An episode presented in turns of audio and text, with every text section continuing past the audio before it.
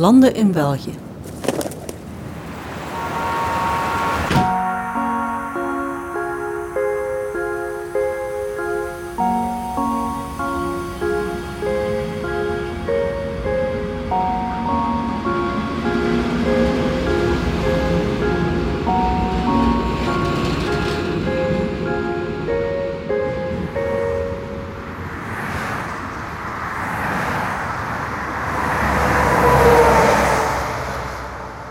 Stel het je even voor. Er woedt oorlog in jouw land. Het leven wordt met de dag grimmiger. Je beslist om te vertrekken. Je laat je thuis achter, je werk, je familie en je vrienden. Enkel met wat je kunt dragen vat je de tocht naar veiliger oorden aan. Na een lange en gevaarlijke reis beland je in België. Maar dan? Hoe pik je de draad opnieuw op in een onbekend land? Van de problemen die mensen op de vlucht ervaren, weten de medewerkers van Vluchtelingenwerk Vlaanderen alles. Maar net zo goed zijn zij dagelijks getuigen van hun veerkracht en hun enthousiasme om erin te vliegen. Want wie hier aankomt, hoopt een leven op te bouwen. Die wil werken, studeren, vrienden maken. Dit is Landen in België, de nieuwe podcast van Vluchtelingenwerk Vlaanderen. Hier vertellen vluchtelingen over hun leven en hun dromen. Het thema van de eerste aflevering is werk.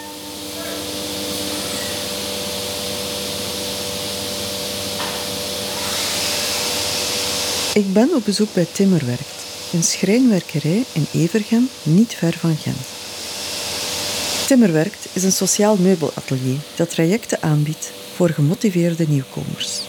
Hier werken onder meer Omar, die al vijf jaar in België woont, en Besmila, die zes jaar geleden vluchtte uit Afghanistan. Omar. Dag Omar. Dag. Ik ben Omar. Uh, Omar Sadi Ahmed. Uh, ik ben 37 jaar oud. Ik kom uh, uit Irak. Ik ben bijna vijf jaar in België al wonen. Ik kwam naar België omdat in het mijn land oorlog is. En was daar is heel gevaarlijk. ik heb gezien veel mensen gestorven. En ik ben niet tevreden van die situatie. En ik zoek van een andere plaats om te wonen, een veilige plaats. En doordat ik heb uh, beslissing genomen om te uh, verhuizen van mijn land. En ik heb, gekwam, ik heb in België gekomen. Had jij België op voorhand uitgekozen? Ja. En ik heb gekozen België omdat België is midden in Europa en heeft uh, economie, is hoogte economie. En ik heb gedacht, dat is goed uh, land en goed economie. Ik kan daar wonen, ik kan daar uh, werken. En ik heb gezien dat, ja, goed idee voor mij. En na, na kwam ik hier in België en ik heb gezien, ja, dus echt veilig land. Ik kan hier werken en ik kan hier blijven. En was dat een lange reis? Ben je lang onderweg geweest naar België? Ja, eh, bijna 20 dagen of meer dan 20 dagen. En was het heel moeilijk, want ik heb uh, met de boot uh, in de zee oversteken. De, soms, soms dagen veel wandelen, twee dagen of drie dagen in de paar landen wandelen oversteken, de grenzen en zo. En tot naar hier. Bijna 21 dagen of 20 dagen. Geen reizen. Omar werkt pas tien maanden bij Timmerwerkt. Hij kende al het een en ander van meubels maken van vroeger, maar eigenlijk heeft hij een ander beroep. Mijn uh, favoriete werk? Boekhouder. Want uh, ik heb gewerkt in mijn land boekhouder. Ik was uh, verantwoordelijk boekhouder ja, van grote bedrijf. Doordat ik zo graag, maar het is moeilijk voor uh, de taal. En ik, uh, ik vind de Nederlandse taal moeilijk is. En nu, jullie luisteren naar mij. Ik denk, uh, ik heb een paar fouten. Ik weet niet waarom het moeilijk is. En ik heb, ik heb geprobeerd om te leren en om te verbeteren, om te ontwikkelen. Maar ik weet niet, het is een moeilijke taal. Ik vind het Engels gemakkelijke taal van Nederlands. Een onbekend diploma en een onbekende taal. Gemakkelijk is anders. Maar Omar liet de moed niet zakken. Ik heb uh, gekomen naar België en eerst studeren taal Nederlands. En dan uh, gestudeerd uh, beroep uh, kinderopvang. Maar ik vind het niet leuk voor mij. En dan begonnen ik zoeken aan andere werk. En ik heb gekozen schrijnwerker, want ik heb ervaren en ik vind het leuk om te beginnen met uh, schrijnwerker. En hoe ben je dan bij Timmerwerkt terechtgekomen? Dus mijn assistent helpt me voor de zoeken en zegt ja, er is een Timmerwerktbedrijf, kleine bedrijf, atelier. Wil je werken met atelier? En ik heb uh, gekomen naar atelier en uh, stage gedaan. En dan beginnen met het werk en ik vind het leuk. Bij Timmerwerkt lijkt Omar mentale rust te vinden. En dat is precies de bedoeling van deze werkplaats. Hans en Olivier. Ik ben Hans van Timmerwerk. En ik ben Olivier, ook van Timmerwerk. Samen met Olivier hebben we Timmerwerk opgericht begin januari 2018. Eigenlijk vanuit het idee om enerzijds een maatwerk meubelbedrijf op te starten, maar daarin tegelijkertijd een zo laagdrempelig mogelijke opstart of uh, insteek te geven aan nieuwkomers om in ons bedrijf te participeren, mee te draaien, ervaring op te doen. Um, met als ultieme doel om een, een soort opstap of springplank te geven naar de reguliere arbeidsmarkt. Timmerwerkt is een sociaal atelier opgericht om mensen als Omar de ruimte te geven om hun plaats te vinden in ons land. Dan over acht.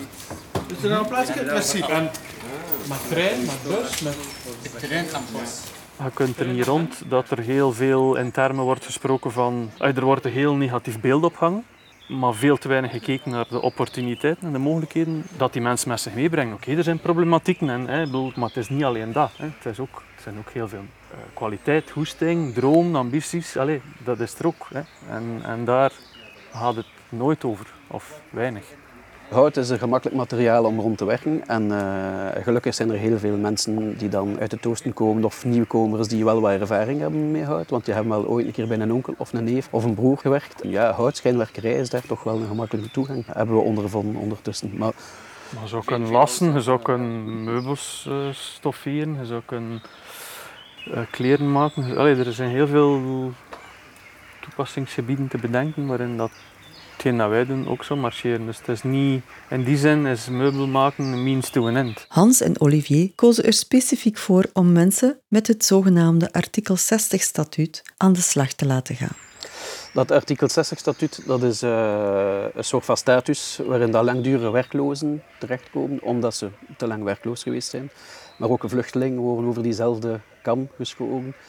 En die mensen moeten dus 12 tot 18 maanden um, werken voor het, uh, het OCMW, is dat dan uh, meestal, om hun rechten te gaan opbouwen. En na die, uh, na die periode, na dat traject, kunnen ze dan eigenlijk actief deelnemen aan de reguliere arbeidsmarkt. Hebben ze ook recht op werkloosheidsuitkeringen en dergelijke, mocht er, iets, mocht er iets fout gaan. Dus eigenlijk zijn de mensen die bij ons werken, dat zijn niet onze werknemers, dat zijn de werknemers van het OCMW. We hebben zo drie profielen.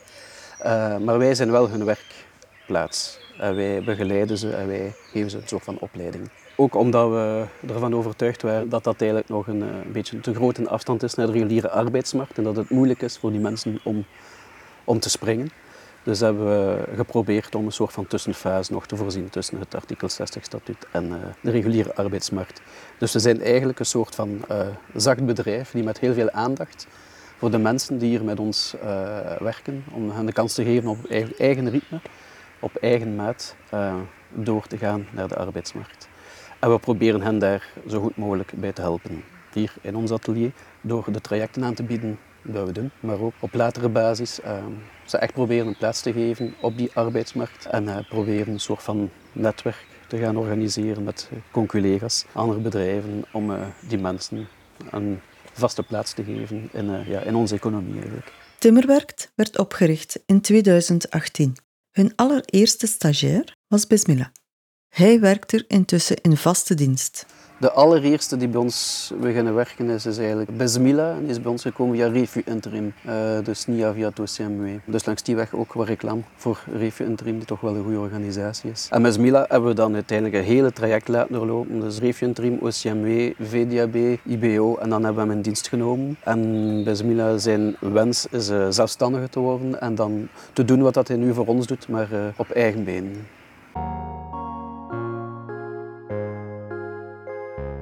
benen. Besmila. Ah, ik ben Bismillah, uh, ik kom uit Afghanistan. Ik woon al bijna zes jaar in België, maar twee jaar was ik in Wallonië, in de Center voor Vluchtelingen. Ja, ja, drie jaar, een beetje meer dan drie jaar, uh, woon ik in Gent. Ik, uh, ik werk bij Temerwerk bijna drie jaar, zoiets. Ben jij alleen naar hier gekomen? ja, ik ben alleen naar hier gekomen na drie jaar mijn vrouw en mijn dochter naar hier gekomen. Ik heb twee kinderen, een dochter en zoon. Mijn zoon is hier geboren. Wat mij telkens opnieuw opvalt in de gesprekken, is wat werken voor deze nieuwkomers betekent. Het is meer dan alleen brood op de plank. Ik, ik heb hier heel leuk, eh, heel goed collega's. Ja, dus Hans en Olivier en ook nieuwkomers andere mensen. Ja. Ik ben heel blij hier op werk. Ja, het is ook uh, mijn job. Uh, ik had ook ervaring van vroeger. Ja, ik ben blij, heel blij hier. Ja.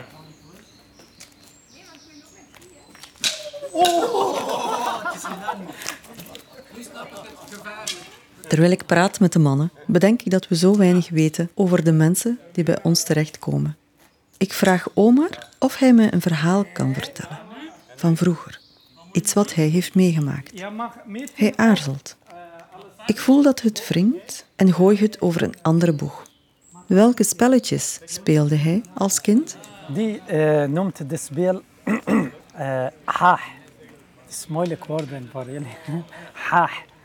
Dialect noem, uh, maar in mijn land. Het spel, waar speelt men dat? Wie speelt dat? Volwassenen? Ik, nee, voor de kinderen, kinderen ja. Ja, kinderen toen ik uh, zes jaar was, twaalf jaar of zo. Jij kende het ook, hè? Ja, ja. En, uh, kinderen uh, spelen ook in Afghanistan ook zoiets, maar ik ken niet de naam. Maar je hebt het vroeger ook nog gespeeld? Ja, ja. Dus ja, heel lang geleden. Ja. Ik was heel klein. Ja, ik, ik begon werk heel vroeg, want mijn papa was ziek. En dan, ja, ik was uh, 14 of 13 jaar oud, begon ik ja, met werk. Niet veel kinderspelen, ja.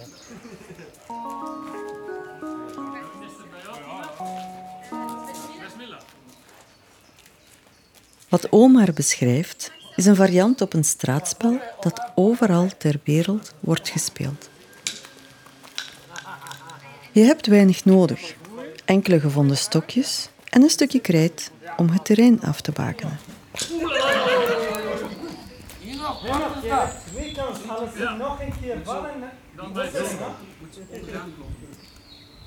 We besluiten om het spel te spelen met de groep. Omar tekent een cirkel op de grond, vindt enkele stokjes en legt de spelregels uit.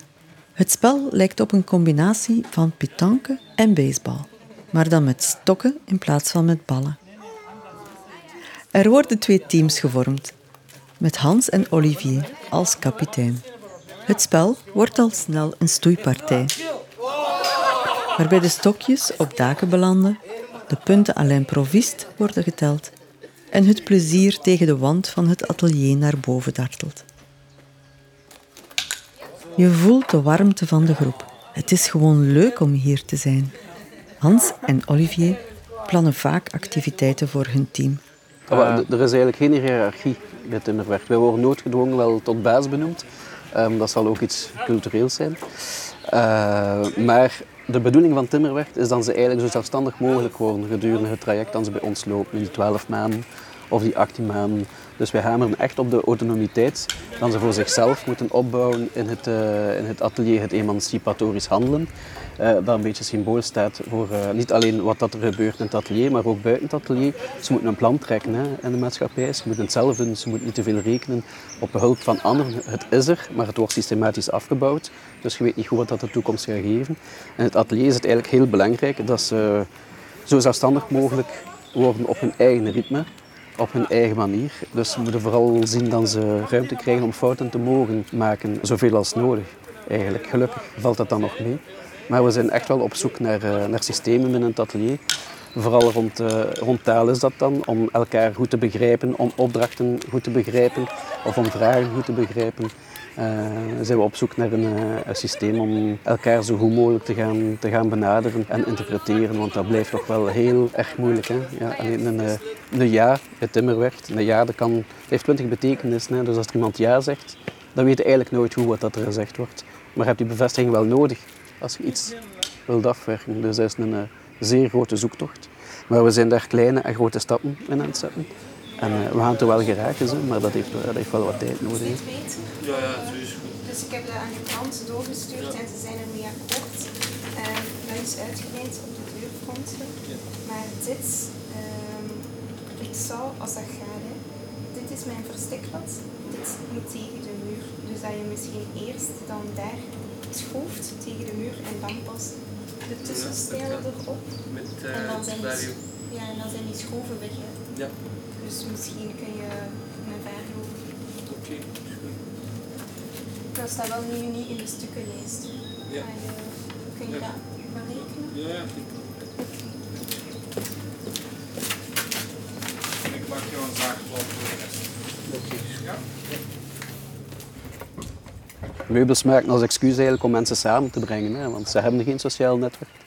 Ze kennen weinig mensen, ze kennen uh, ook de taal niet, dus ze kunnen niet echt communiceren. En wij proberen hen hier samen te brengen. Wij proberen ook heel veel uh, activiteiten te organiseren buiten het atelier met de gezinnen, om die mensen samen te brengen. Uh, we doen ook een beroep op uh, onze klanten soms om ons mee te helpen bij een bepaald probleem. Rijbewijs bijvoorbeeld, hebben we al een paar keer gevraagd.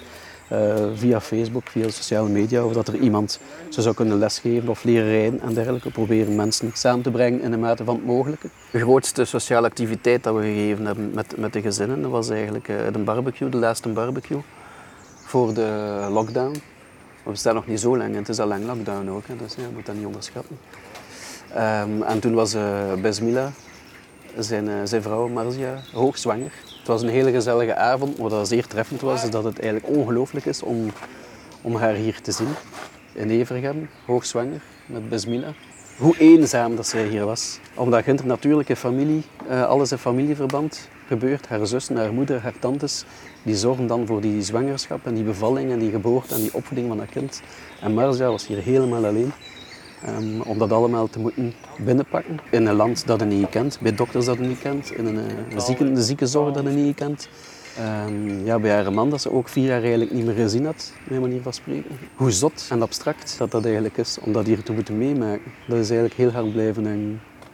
Ja, en het werk, uh, ik vind het heel leuk, want mijn collega, ik voel niet die collega alleen voor het werk. Het is collega van vrienden. Hè? Ja, soms mee, bijvoorbeeld Olivier mijn baas, helpt me voor de administratie. En soms uh, samen eten, samen uh, kleine feestje maken en uh, samen blazeren. Hè? Ik vind dat heel leuk. Hè? Ik ben plezier en genoten hier werken, met het timmerwerk. De groep van ons, zo alles familie, helpt me voor administratie, alles ik is nodig, bel naar uh, mijn baas of mijn collega.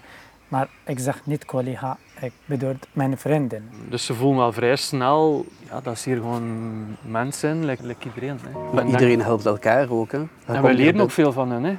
Ah ja, tuurlijk. Op, dat is ook de bedoeling. ja, Ja. uh, dingen dat zij dat soms doen, of manieren dat ze met oplossingen afkomen. Dat heeft ja, gezegd, ja, eigenlijk ja, de max, uh, we gaan dat zo doen. En het is grappig om dan een 55-jarige Bulgaar in interactie te zien met een 18-jarige Eritreër en die de een aan de ander niet zien uit want daardoor groeien ze ook. De leerling wordt ook meester op een bepaald moment. En uh, die rol ja, dat vinden ze de max natuurlijk, om op een bepaald moment iets dat ze dan zelf wat beter kunnen. Ah, Oké, okay, wel, het nu maar uit aan die die juist begonnen is. Hè. Het gaat ook over zelfvertrouwen, wat je dus juist ook gemerkt hebt in het gesprek met Omar. Het is uh, niet zo simpel om zomaar uh, vol zelfvertrouwen door het leven hier te glijden als je zoveel dingen niet snapt, zoveel dingen niet, geen voeling mee hebt, niet, het is eigenlijk, uh, ja, ik heb dat juist ook gezegd, het enorm abstract denk ik voor veel van die gasten. Hè. Heb jij hier familie, oma? Nee, ik, heb, uh, ik woon alleen hier. En heb jij veel contact met jouw familie in Irak? Zeker. Elke dag contact met mijn familie. Met mijn mama elke dag. Met mijn broers uh, twee keer of drie keer per week. Ja. Via, via WhatsApp of via Messenger. Ja, nu, ik ben heel blij en uh, ik ben tevreden hier blijven in België. Maar de eerste jaar in België wonen, ik was uh, heel uh, vervelend en heel saai en verdrietig. Want ik, ik heb geen taal, ik heb geen vrienden, geen familie. Dat is normaal, maar ik heb geprobeerd om te beginnen met uh, zoeken voor de vrienden, ontmoeten. En, uh, en na twee maanden, na twee jaar, drie jaar, ik heb geleerd. Geleerd taal en geleerd culturen. Moeilijk voor ons, verschillende culturen. En ik heb een paar vrienden gevonden en beginnen mijn liefde en vergeten mijn land. Maar niet vergeten alles, want mijn familie, ik kan niet vergeten mijn familie. Ik zal blijven hier, maar elke jaar ik zal bezoeken mijn familie. Dat is mijn uh, plan. Wat doe jij als jij niet werkt? Heb jij hobby's? Ah, ja, uh, ik heb hobby's. Ja, uh, sporten. mijn sporten hier, als ik heb geen, geen werk en heb ik tijd, lopen hier en soms fitnessen. Maar mijn hobby is pingpong en schaken. Maar schaken niet veel uh, gespeeld hier in België. Want ik heb niet gevonden veel mensen uh, graag die schaken. In mijn land was uh, veel spelen. Omar werkt in het atelier van Timmerwerkt. Besmilla werkt drie dagen per week op verplaatsing. Hij installeert de meubelen bij de klanten. Hij komt dus vaker in contact met de lokale bevolking.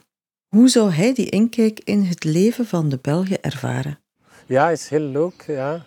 Het is heel uh, goed ook voor mij. Ik kan uh, Nederlands een beetje oefenen, ook met mensen praten, een beetje cultuur van hier een beetje leren. Dat is heel goed voor mij.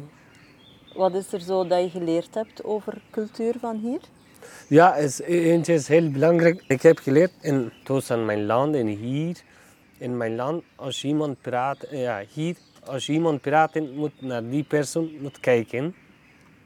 Als je niet, niet kijkt, die persoon uh, is geen, ja, denken die heeft geen respect of zoiets. Maar in uh, mijn land is het niet zo. Als iemand ja, praten, kan ook werken. Als je niet kijkt naar die persoon is geen probleem. Maar hier is, je moet kijken. Zijn er um, dingen die hetzelfde zijn? Of is alles anders? Ja, ik denk alles anders. Ja, in mijn land, als je iemand werkt, bijvoorbeeld mijn thuis, ik moet eten maken voor die uh, mensen, eten geven. En hier is moet, uh, moet zelf eten brengen. Uh, ja. Op werken, ja, bijvoorbeeld zoals nu in atelier werken met soms tien personen. In mijn land, als je werkt bij andere persoon, die persoon moet eten maken voor jou, zoiets. Niemand eten brengen van zijn thuis naar werk. Twee keer gedaan ja. en dat is twee keer te zwaar gegeven. Ik zit met een verhouding, dus dan doe je dat constant niet Eerder in het gesprek had ik Omar gevraagd of hij een oude herinnering wilde delen. Een verhaal waardoor ik niet alleen de Omar leer kennen die voor me zit, maar ook de jongen die opgroeide in Irak. Toen aarzelde hij, maar hij wil toch graag iets delen. Het is een verdrietig verhaal. Hè? Is het een verdrietig verhaal? Ja, het is een verhaal toen uh, 16 jaar was. Ik heb gezien mijn uh, vader, mijn vader gestorven. Ik was in een uh, woonkamer en mijn vader gestorven en ligt op de, op de grond. En ik zit naast eh, zijn eh, hoofd. En genomen eh, zijn hoofd en in mijn schoot zitten. En praten met hem. Alsjeblieft, waarom gaat hij? Alsjeblieft, en ik huilen. Dat is echt verhaaltje, niet, ik kan niet vergeten. En na mijn vader gestorven, echt, ik heb uh, verdrietig en uh, twee jaren of drie jaren, ik heb gestopt met studeren, met alles. Want mijn vader was, die ba- woorden is moeilijk om te zeggen in Nederlands, maar die baton, baton boven ons, bescherm, bescherm ons van alles. Ja, en weg, mijn vader weg, die zo alles in natuur. Ik kan niet uh, waar gaat, waar doen, wat, wat moet ik doen. Echt, ik kan niet vergeten. Wat Omar bedoelt, is dat in Irak de vader als een kompas is. Zonder de Abba verliest de familie gevoel voor richting. Omar verloor zijn kompas, maar herpakte zich. Hij ging studeren en doet dat nu nog altijd. Dit gesprek in het Nederlands voeren is niet evident voor hem. Altijd is hij op zoek naar de juiste woorden. Jij vindt taal heel belangrijk, hè? Ik vind het heel belangrijk. Want ik was uh, in mijn land praten met mijn eigen taal. Als iemand fout gedaan met de eigen taal, ik niet accepteer dat. ik heel voorzichtig van fouten maken. Maar ook in het Nederlands weet hij intussen de juiste nuance te vinden. Hij vertelt hoe hij vorig jaar iets nodig had van de ambassade en een memorabele brief schreef. Je hebt een brief geschreven Ja. om ervoor te zorgen dat ze jou niet zouden vergeten, ook al kenden ze jou nog niet. Vertel eens dat verhaal. Een jaar geleden heb ik een situatie, moeilijke situatie. Ik moet een lange e-mail inschrijven. Maar alles uh, een lange zi- e-mail inschrijven en sturen naar ambassade. Ambassade is Latin, die is lang, niet uh, veel informatie en veel en heeft geen geduld om te lezen. Ja, soms, niet altijd. En ik moet een mooie e-mail inschrijven, een formeel e-mail. En ik begon met de e-mail. Uh, beste, bonten en zo, naam. En schrijven, alsjeblieft moet je kijken naar mijn brief, zoals papa. En uh, niet laat mijn brief en uh, geef me geduld voor je om te lezen. Zo al, en, en dacht mijn brief zoals aandacht jouw zoon. Aan de emotie en blijvende lezen. En ik begin met mijn probleem. En ik heb geweest naar de ambassade daar. En zegt, wat heb jij daar? Wat heb jij nodig? En ik heb gezegd, ik heb een groot probleem. En beginnen met de uitgelegd van mijn probleem. En een mensen daar, minister, zegt, jij bent Omar. Ja, komt, komt. Jouw brief is heel mooi. Ik heb gelezen. Ja, ik ben baba. Komt, kom me. en echt uh, lachten met hem en uh, echt helpt me voor die situatie. We zitten nog steeds buiten aan het atelier van Timmerwerkt. Het getjilp van de vogels en de geluiden van het atelier op de achtergrond vormen de perfecte soundtrack voor het gevoel dat ik heb bij Omar en Besmila. Hier zitten twee opgeluchte mensen. Opgelucht dat ze weer kunnen vooruitkijken en dromen. Besmila ziet zijn kinderen hier studeren, zegt hij. Naar school gaan is heel belangrijk ja, voor mij, mijn kinderen. Ja, hier kan goed studeren. En als je in mijn land was, was het een beetje moeilijk. Uh, want elke dag op school, op universiteit, aanslag worden. Ja. Hier is ik, ben, ja, ik uh, kom naar werk, heel rustig geen stress voor aanslag. Of... En als ik jou dan vraag, waar droom jij van?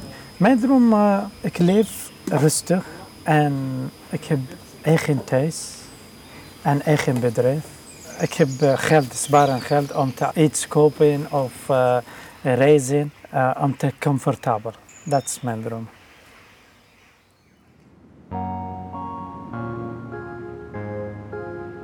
Dit was Landen in België, de podcast van Vluchtelingenwerk Vlaanderen.